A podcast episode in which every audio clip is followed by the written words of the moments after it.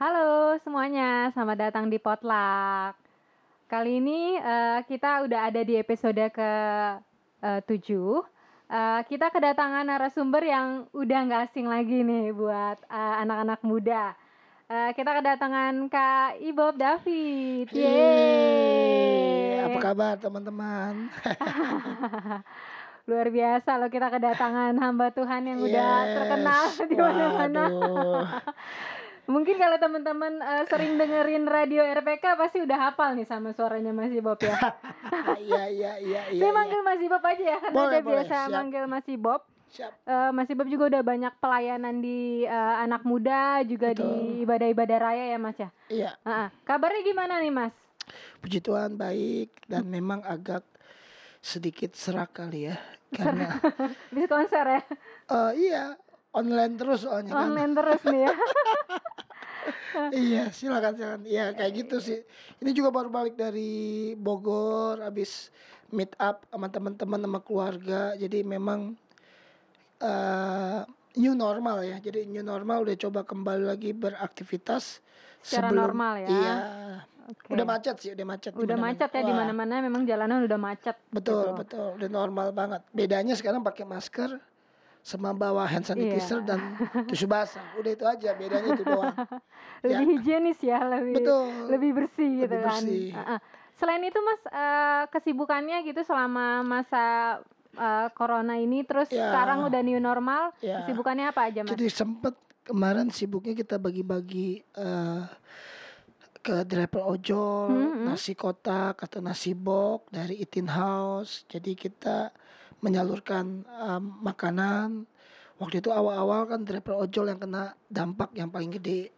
Setelah itu kita geser ke tukang taksi dan terakhir kita uh, lakukan komit ke driver ojol yang datang ke rumah beli itin house mereka selalu dapat satu paket. Nah, itu jadi komitmen itu terakhir ya aktif juga bagi-bagi sembako dari Kemensos ataupun dari ya dari Kemensos kita buat teman-teman hamba-hamba Tuhan ataupun juga orang-orang Kristen yang nggak kebagian ya seperti itu kita bagi-bagi seperti itu fokusnya ke situ Mike. Ya puji Tuhan ya, ya. masih uh, masa masa pandemi ini masih bisa memberkati betul, sesama ya. Betul sekali. Gitu khususnya yang terdampak cukup uh, besar ya. Betul. Gitu ya.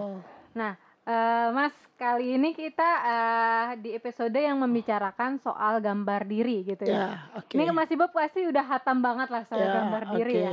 Kalau misalnya seminar-seminar anak muda sering banget uh, sampein soal gambar diri gitu Mas ya.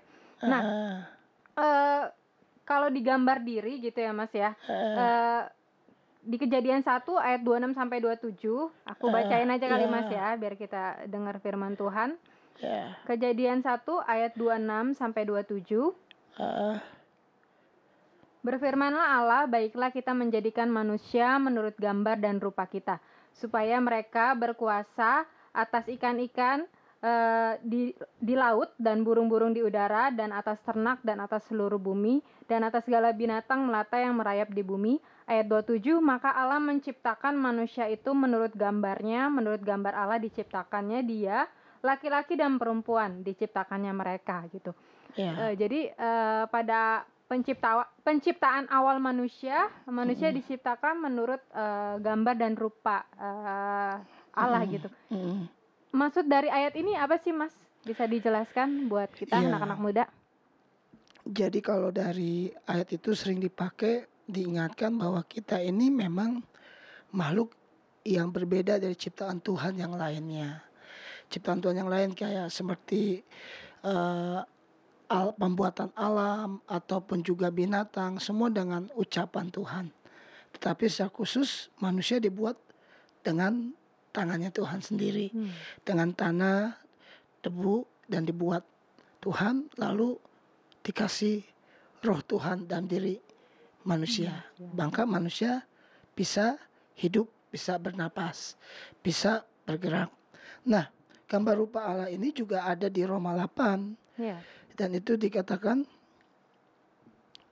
uh, Roma 8 ayat 9 sebab semua orang yang dipilihnya dari semula mereka juga ditentukannya dari semula untuk menjadi serupa dengan gambaran anaknya supaya ia anaknya itu menjadi yang sulung di antara banyak saudara. Nah, kata serupa ini memang siapa pun tahu bahwa manusia ini berbeda dari ciptaan Tuhan yang lain. Maka dikatakan Yesaya 43 ayat 4, kamu tuh berharga, kamu tuh mulia, Tuhan Hmm. tuh mengasihi kamu, bahkan mengganti eh, kamu dengan nyawa-nyawa dengan banyak bangsa. Nah, ini penting artinya ini bahwa ternyata manusia tuh gambaran dari Allah sendiri. Suatu hal ciptaan yang sempurna, yang indah, yang perfect dan serupa segambar dengan Tuhan itu kemuliaan Tuhan, karakter Tuhan itu ada di dalam diri manusia. Hmm. Jadi bukan kan kita suka lihat eh kok binatang mah nggak punya kalau kad- kadang ada kata-kata kasar binatang mah nggak punya otak tuh gitu kan nggak Hmm, ngerti ya, Ah, benar.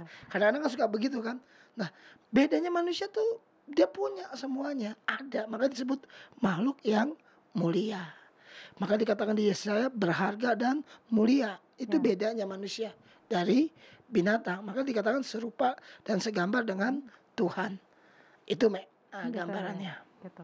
Nah, eh, berarti kan eh, gambar diri ini penting Betul. untuk manusia ya, Betul. karena ini eh, menjadi pemahaman eh, seseorang eh, mengenai dirinya sendiri Betul. gitu ya, dan jadi dasar untuk dia menjalani hidup dan tujuan hidupnya gitu ya, Ya. Mas ya.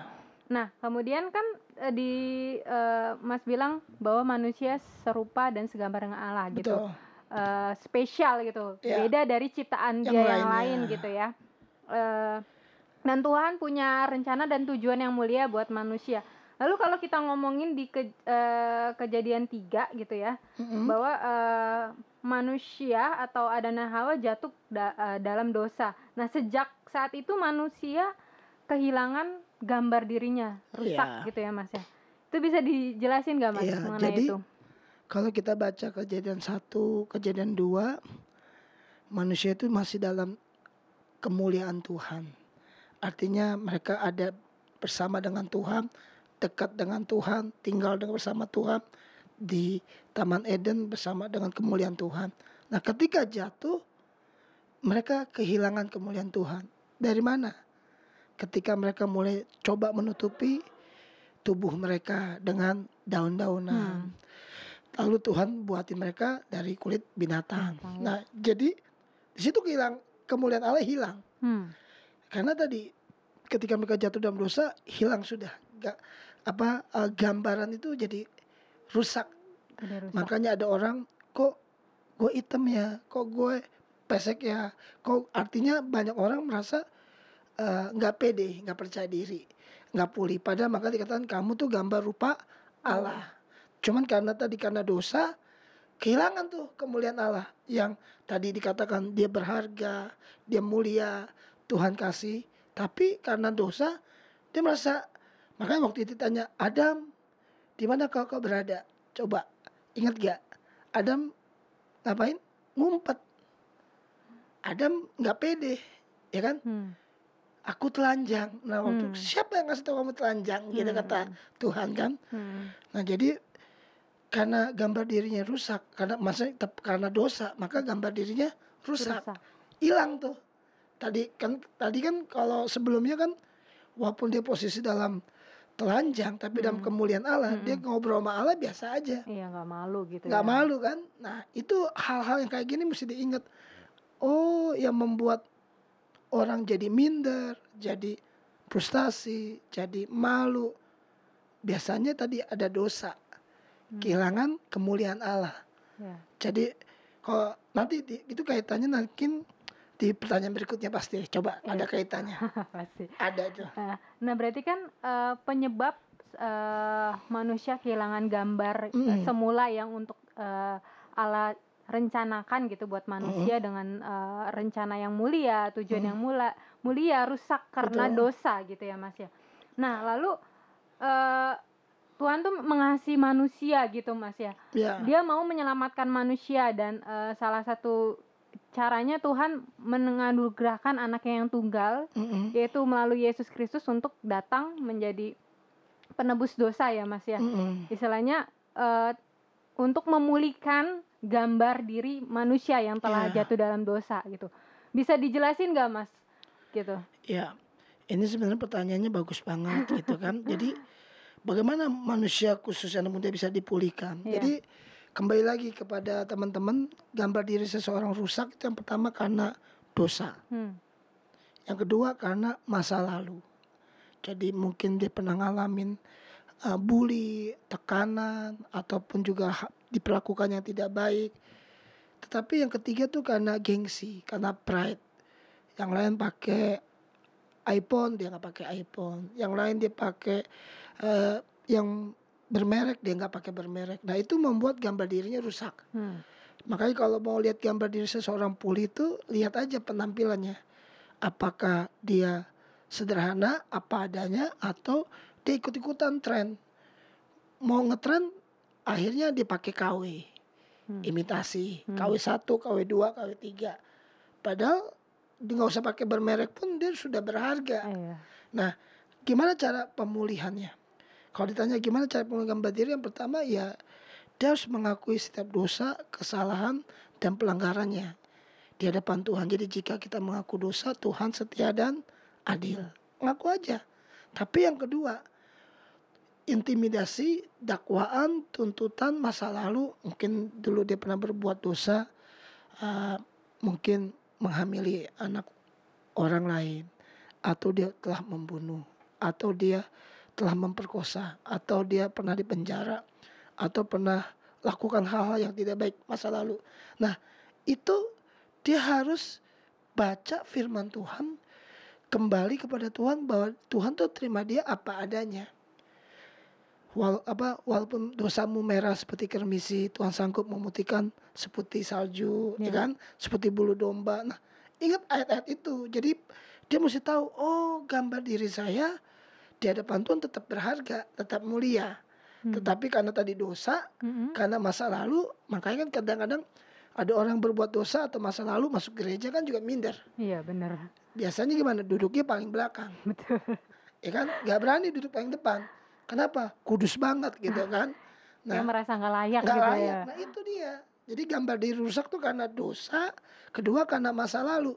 Tapi yang paling parah sekarang gambar diri dirusak itu karena tadi pride, gengsi, ego, Hmm. yang aku nggak mau ketinggalan zaman. Sekarang orang pakai sepeda nih, Brompton, semua beli sepeda begitu.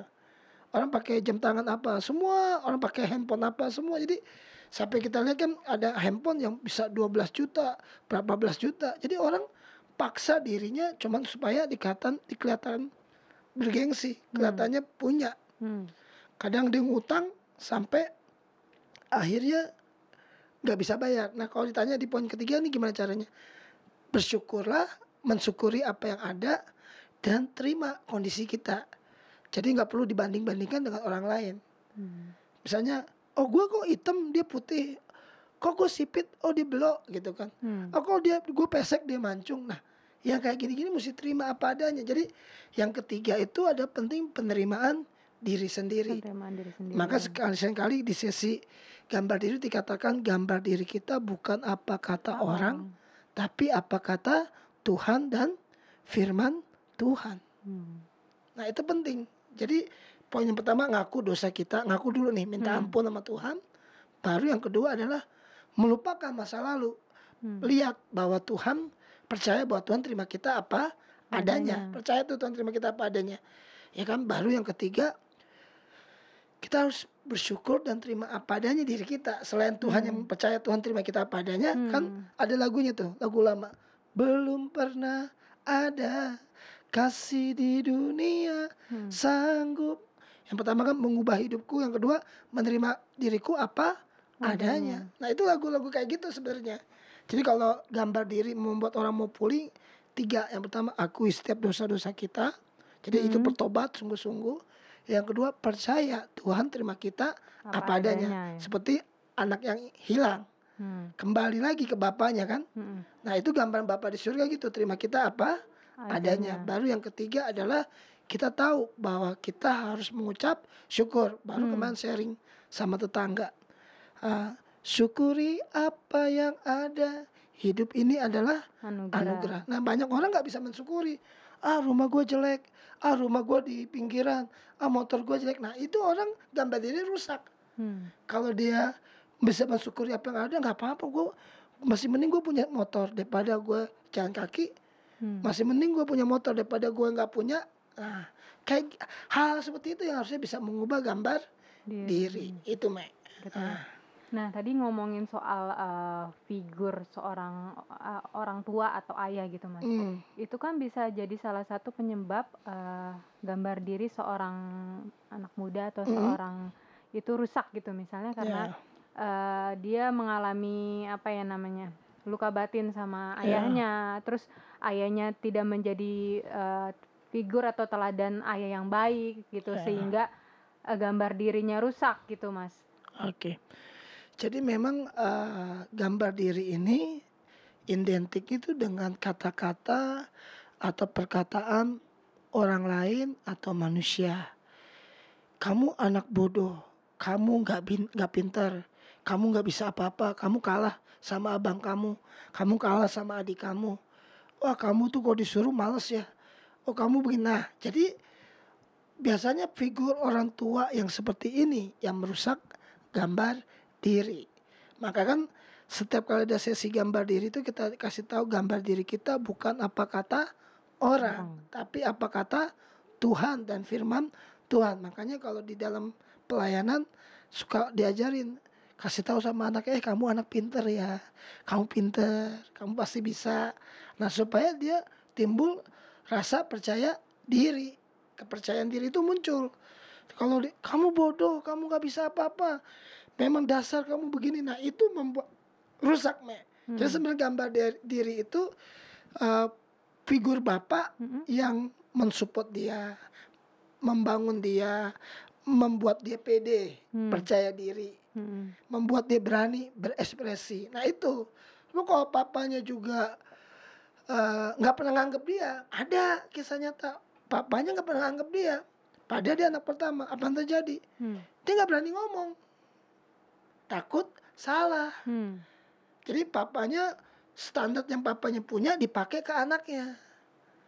Jadi akhirnya anaknya nggak nggak nggak bisa eh, sesuai. Makanya kalau di kayak ada anak-anak kecil, ada mamanya yang baik, dia jatuh nggak apa-apa, bangun lagi, kamu bisa. Terus kalau dia salah megang sendok, pakai tangan kiri, jangan nak, tangan kanan, tangan kiri buat ini, tangan kanan ini. Nah itu memotivasi dia, membangun dia. Maka perkataan itu penting. Perkataan penting ya. Ya itu yang membangun orang. Hmm. Misalnya, eh, oh dia ini ganteng, oh dia hebat ya, jago laptop, oh dia hebat ya, contoh gitu jago eh, apa IT gitu. Nah dia akan bangga. Eh gue tuh jago IT loh, gue hebat loh. Muncul nggak kepercayaan dirinya? Muncul. Muncul. Nah jadi kalau ah memang kamu mah nggak bisa apa-apa, udah gue nggak percaya sama lu. Emang lu maaf kasarnya, oh emang lu bego, lu bodoh, lu tolol. Nah itu akan jatuhin orang apa ngebangunin orang? Pasti jatuhin. Jatuhin orang. Jadi pentingnya tadi perkataan, penerimaan, tapi itu dari orang lain. Hmm. Diterima dan dibangun dengan motivasi. Makanya suka orang bilang, kasih motivasi dong. Kasih semangat dong. Kan begitu kan? Hmm. Itu percaya diri. Tapi dari diri sendiri juga mesti sadar. Oh iya ya, aku berharga, aku mulia, aku dikasih Tuhan. Dan tadi nggak perlu dengar omongan lai- orang lain, Hmm. tapi Tuhan dan firman Tuhan. Gitu ya. Nah, itu dia. Jadi eh, memang perkataan yang membangun atau Betul. perkataan yang eh, sesuai dengan firman itu penting banget ya Mas Betul. ya. Berarti pentingnya kita eh, setiap berkata-kata berkata-kata yang membangun Ya. dan berkata-kata sesuai dengan firman Tuhan Betul. ya. Itu yang harus digarisbawahi ya Mas ya. Betul. Nah, Mas Ibob kan eh, udah eh, berapa tahun Mas kira pelayanan di anak muda kira-kira? Wah, udah hampir 20-an tahun lah. Udah hampir 20-an Betul. tahun ya. Berarti kan sering dengar kayak apa ya eh, sharing Hmm. eh, terus melayani anak-anak muda yang eh, bermasalah sama gambar diri ya Mas ya. Mm, mm. Punya kesaksian gak Mas? Nggak usah sebut nama sih Iya. tentang anak muda yang gambar dirinya tuh eh rusak gitu dan Iya. dilayani oleh Mas Ibob sendiri. Jadi eh, karena memang pas sesi gambar diri ini di suatu retreat dia dengar dulu saya perokok, saya penjudi, saya pemabuk. Dulu eh, saya drop out. Lalu saya bertobat, terima Yesus. Lalu saya sekolah kembali. Saya sekolah Alkitab. Lalu saya jadi hamba Tuhan sekarang. Nah, dia lihat, eh iya ya, yang membuat seseorang berubah itu karena dia tahu satu tadi, dia dikasih Tuhan, dia diterima Tuhan apa adanya. Itu yang pertama. Hmm. Yang kedua, dia tahu bahwa dia ini berharga, mulia dan dikasih Tuhan. Artinya dia sadar dia bukan orang sembarangan. Artinya dia orang yang berbeda gitu loh. Hmm. Dia bukan orang biasalah, Spesial, spesial. lah ya. Nah, begitu. Itu yang kedua. Tapi yang ketiga, yang paling penting adalah tadi kalau dari urutan nomor satu, nomor dua saya sebutin tadi dari Hmm. sisi Tuhan, Hmm. dari sisi kita ke sisi kita tuh ada di mindset kita. Selama ini orang ngomong apa sama kita? Ah lu mah anak bau kencur, lu nggak bisa buat apa-apa. Ah lu memang diciptakan untuk jadi followers, bukan leader. Kata-kata itu yang bertahun-tahun dia dengar, kata-kata itu yang bertahun-tahun diucapkan orang lain itu membekas di bawah alam bawah sadar Hmm. dia Jadi membentuk dirinya membentuk ya. akhirnya mindsetnya dia. Kan makanya suka bilang ah gue memang sialan. Ah memang gue anak tukang beca. Ah gue nah karena itu. Kamu nggak bisa nak. Kita nggak mampu. Kan suka ada orang tua kayak gitu. Hmm. maksudnya mungkin eh, mengingatkan menyadarkan kamu nggak bisa nak. Kan suka mendengar gitu kan waktu itu mungkin kata-katanya baik kan. Hmm. kamu nggak bisa nak. Kita nggak kayak orang kaya. Nah itu akhirnya membekas. Dia jadi nggak pede. Tapi kalau kita dengar ada orang susah banyak salah satu tadi, tadi Amin nanya ada nggak? Ada. Ini seorang dokter dokter mau mau koas dokter mau mau diutus tapi nggak pede. Hmm. gimana ceritanya? Tapi ketika dengar sesi ini dia nangis nangis dia bertobat. Iya ya aku berharga aku mulia. Kan suka ada orang ngomong pede dong lo jadi orang maka pede kan percaya dia dianya Tuhan atau pe- pede pakai doa yang ketiga percaya diri tiga itu penting percaya dia Tuhan pakai doa sama Percaya diri. percaya diri. Nah, tiga-tiganya kalau udah pede, kayak teman kita nih, kalau udah pede, nembak siapa aja pasti jadi. Asik. Ah, itu kan pede kan? Yang penting pede aja Ya dulu itu ya. kan. Nah, itu nah, biasanya kata pede itu identik dengan bahwa gambar dirinya itu bully. Hmm. Dia tuh terima dirinya apa adanya. Hmm. Artinya dia sadar, aku ini spesial, aku ini beda. Nah jadi orang bilang, enggak lu hitam, enggak lu pesek, enggak lu keriting, ah, enggak lu bokek. Enggak pusing dia. Karena gambar dirinya udah Pulih. pulih. Itu penting. Kenapa tadi sekali lagi? Karena dia tahu Tuhannya menerima dia apa, adanya. Kedua, dia sendiri tahu di Alkitab bahwa dia itu berharga, mulia dan Tuhan kasihi. Baru yang ketiga, dia akan memperlakukan orang lain juga dengan hal yang sama, yang Hmm. positif. Kalau dia udah pulih, Hmm. makanya kalau lihat ya, orang yang suka ngecengin, orang yang suka ngebully. Karena apa? Karena belum pulih. Gambar dirinya belum Iya, pulih ya. Makanya dia, dia- memperlakukan orang lain seperti dia itu. sebenarnya mengalihkan atau membuang kelemahannya, kekurangannya ke orang lain. Hmm. Nah biasanya yang dibully itu orang yang mungkin maaf punya kelemahan fisik, maaf mungkin punya sikap yang ah, ya mungkin kayak melambai lah, apalah. Ah, artinya kelemahan orang itu dijadiin bahan bulian. Hmm. Kalau mungkin orang itu cadel, diceng lah dia cadel. Kalau dia hitam, dicengin lah hitam. Kalau dia gendut, dikatain lah dia gendut. Kan jadi setiap orang punya kelemahan. Padahal yang ngecengin itu, yang ngebully itu dia punya kelemahan. Hmm. Tapi dialihkan ke orang lain. Tapi kalau orang yang sudah pulih, udah sadar diri, dia enggak. Dia Hmm. enggak akan memperlakukan orang lain kayak gitu. Kenapa? Karena dia tahu orang itu juga berharga, mulia di mata Tuhan. Dan yang paling penting, orang itu dia tahu dia serupa segambar sama Tuhan. sama Tuhan ya. Ah, paling gitu, Iya. Mek. Berarti memang s- eh, orang eh, memperlakukan orang lain gitu dengan cara yang baik ya, Mm-mm, eh, eh, dengan perkataan yang baik juga ya Mas ya. mm-mm. Nah, eh, nah eh, ada pesan ini nggak Mas buat anak Iya. muda gitu ya mengenai gambar dirinya? Ya. Jadi ini bagus kata-katanya. Kita nggak pernah bisa memilih. Kita lahir. di keluarga yang miskin atau yang kaya. Kita nggak bisa memilih kita lahir di Indonesia atau di Amerika atau di Singapura atau di Inggris.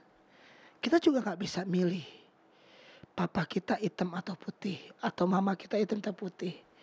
Tapi kita bisa mengubah diri kita dengan percaya bahwa Tuhan menerima kita apa adanya. Tuhan terima kita apa adanya dengan ayat yang jelas karena kita berharga dan mulia di mata Tuhan. Lalu apa kaitannya? Kesimpulannya, syukurilah apa yang ada sama kita dan ketahuilah itu anugerah yang besar dalam hidup kita. Biasanya orang yang sudah bersyukur, orang yang tahu ini anugerah, maka hidupnya pasti berubah. Hidupnya pasti berbeda.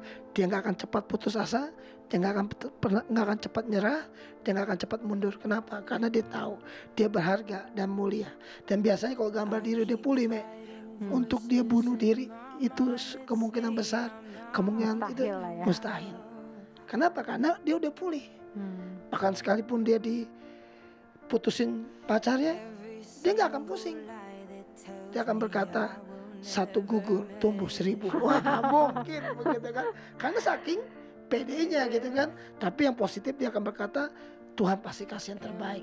Itu bukan jodoh. Nah itu gambar diri yang pulih. Tapi kalau dia nggak nggak pulih, aduh ada apa ya? Kenapa ya kok gue diputusin ya? Kenapa ya gue di PHP ya? Kenapa gue didua, diduain ya? Kenapa cinta gue ditolak ya? Nah, gambar dirinya belum pulih, ya repot itu. Hmm. Pasti membekas banget. Itu nangisnya pasti meraung-raung. Ya kan? Nangisnya seember pasti. Berhari-hari. Berhari-hari. Kenapa? Karena dia belum pulih gambar dirinya. Dia belum mengerti. Maka kan suka ada lagu Oh no I am kan? Jadi kita harusnya ngerti siapa kita sebenarnya di hadapan Tuhan. Makanya film yang terakhir Overcomer tuh bagus. Yang dia anak kulit hitam, dia mencuri barang orang, hmm. dia penyakit asma. Film Overcomer itu film rohani hmm. yang disetel di bioskop. Tapi waktu itu saya nontonnya di Manado. Nah, ketika dia pulih, dia penyakit asma tapi dia juara lomba maraton. Apa yang terjadi? Waktu dia bertobat, dia kembali untuk semua milik orang. Hmm. Karena dia tahu itu lagunya di Hillsong ada satu lagu bagus banget. Terus uh, ada satu lagu cewek nyanyi bagus banget. Dua-dua lagu itu yang saya pikir uh, sambil saya coba lihat ini, Me, ya. karena ini penting. Uh, nah ini dia gambaran diri itu penting, Me. Nah hmm. ini sesi ini sebenarnya bagus. Hmm. Karena banyak anak muda kita ini uh, yang nggak tahu gambar iya, dirinya ya di mata dia? Tuhan gitu uh, bahwa dia dikasihi Tuhan itu dia dia berharga nih dia overcomers itu ada Lauren Daigle you say. Nah, kata you say. You say tuh sama kalau di Hillsong Worship who you say I am. Jadi artinya gini dua lagu ini menunjukkan siapa sih kita di mata Tuhan. Hmm. makanya kalau di rumah teman-teman bisa buka aja ketika aja Lauren Daigle itu you say. Dia pakai baju kuning dia nyanyi itu keren banget. Atau Hillsong tadi. Who you say I am? Siapa sih ya uh, kata kamu aku tuh siapa hmm. nah tadi ya saya empat tiga empat itulah yang dikatakan kamu berharga kamu mulia dan aku mengasihi kamu hmm. harusnya orang Kristen tahu ini kalau ditanya ayatnya banyak gak kayak Bob? Banyak. Ayatnya rancangan Tuhan bukan rancangan kecelakaan, tapi masa depan penuh harapan. Kamu tuh kepala bukan ekor. Kamu terus naik tidak menjadi turun. Apa saja kamu kerjakan dibuat berhasil. Sebenarnya janji-janji Tuhan itu yang membuat orang Kristen atau anak Tuhan pulih gambar dirinya. Nah ini penting juga kalau teman-teman mau pulih cuma satu baca Alkitab, baca firmannya. Baca firman. Maka tadi kan gambar diri kita bukan kata orang, tapi kata apa? Tuhan dan firman. Itu pesannya. Itu aja. Ya, kita harus menyadari bahwa kita dikasih Tuhan Betul. ya, Mas ya, dan kita berharga di matanya. Ya. Jadi cukup menarik nih obrolan kita malam hari ini. Ya. Sayang waktu juga yang uh, tidak banyak masih Bob. Betul. Waktunya sudah cukup sampai di sini. Ah, siap. Next time kita akan undang lagi Mas Amin. dengan pembicaraan-pembicaraan yang seru. Yes. Terima kasih buat Mas Bob yang sudah meluangkan waktunya untuk Oke. datang di podcast eh, podcast KPA ini. Puji Terima Tuhan. kasih Mas Bob. Siap. Tuhan Yesus memberkati. Yes. Ya, terima kasih buat teman-teman yang berkati. dengar. Tuhan berkati ya. Sampai jumpa di episode berikutnya. God Bye-bye. bless you. Dadah.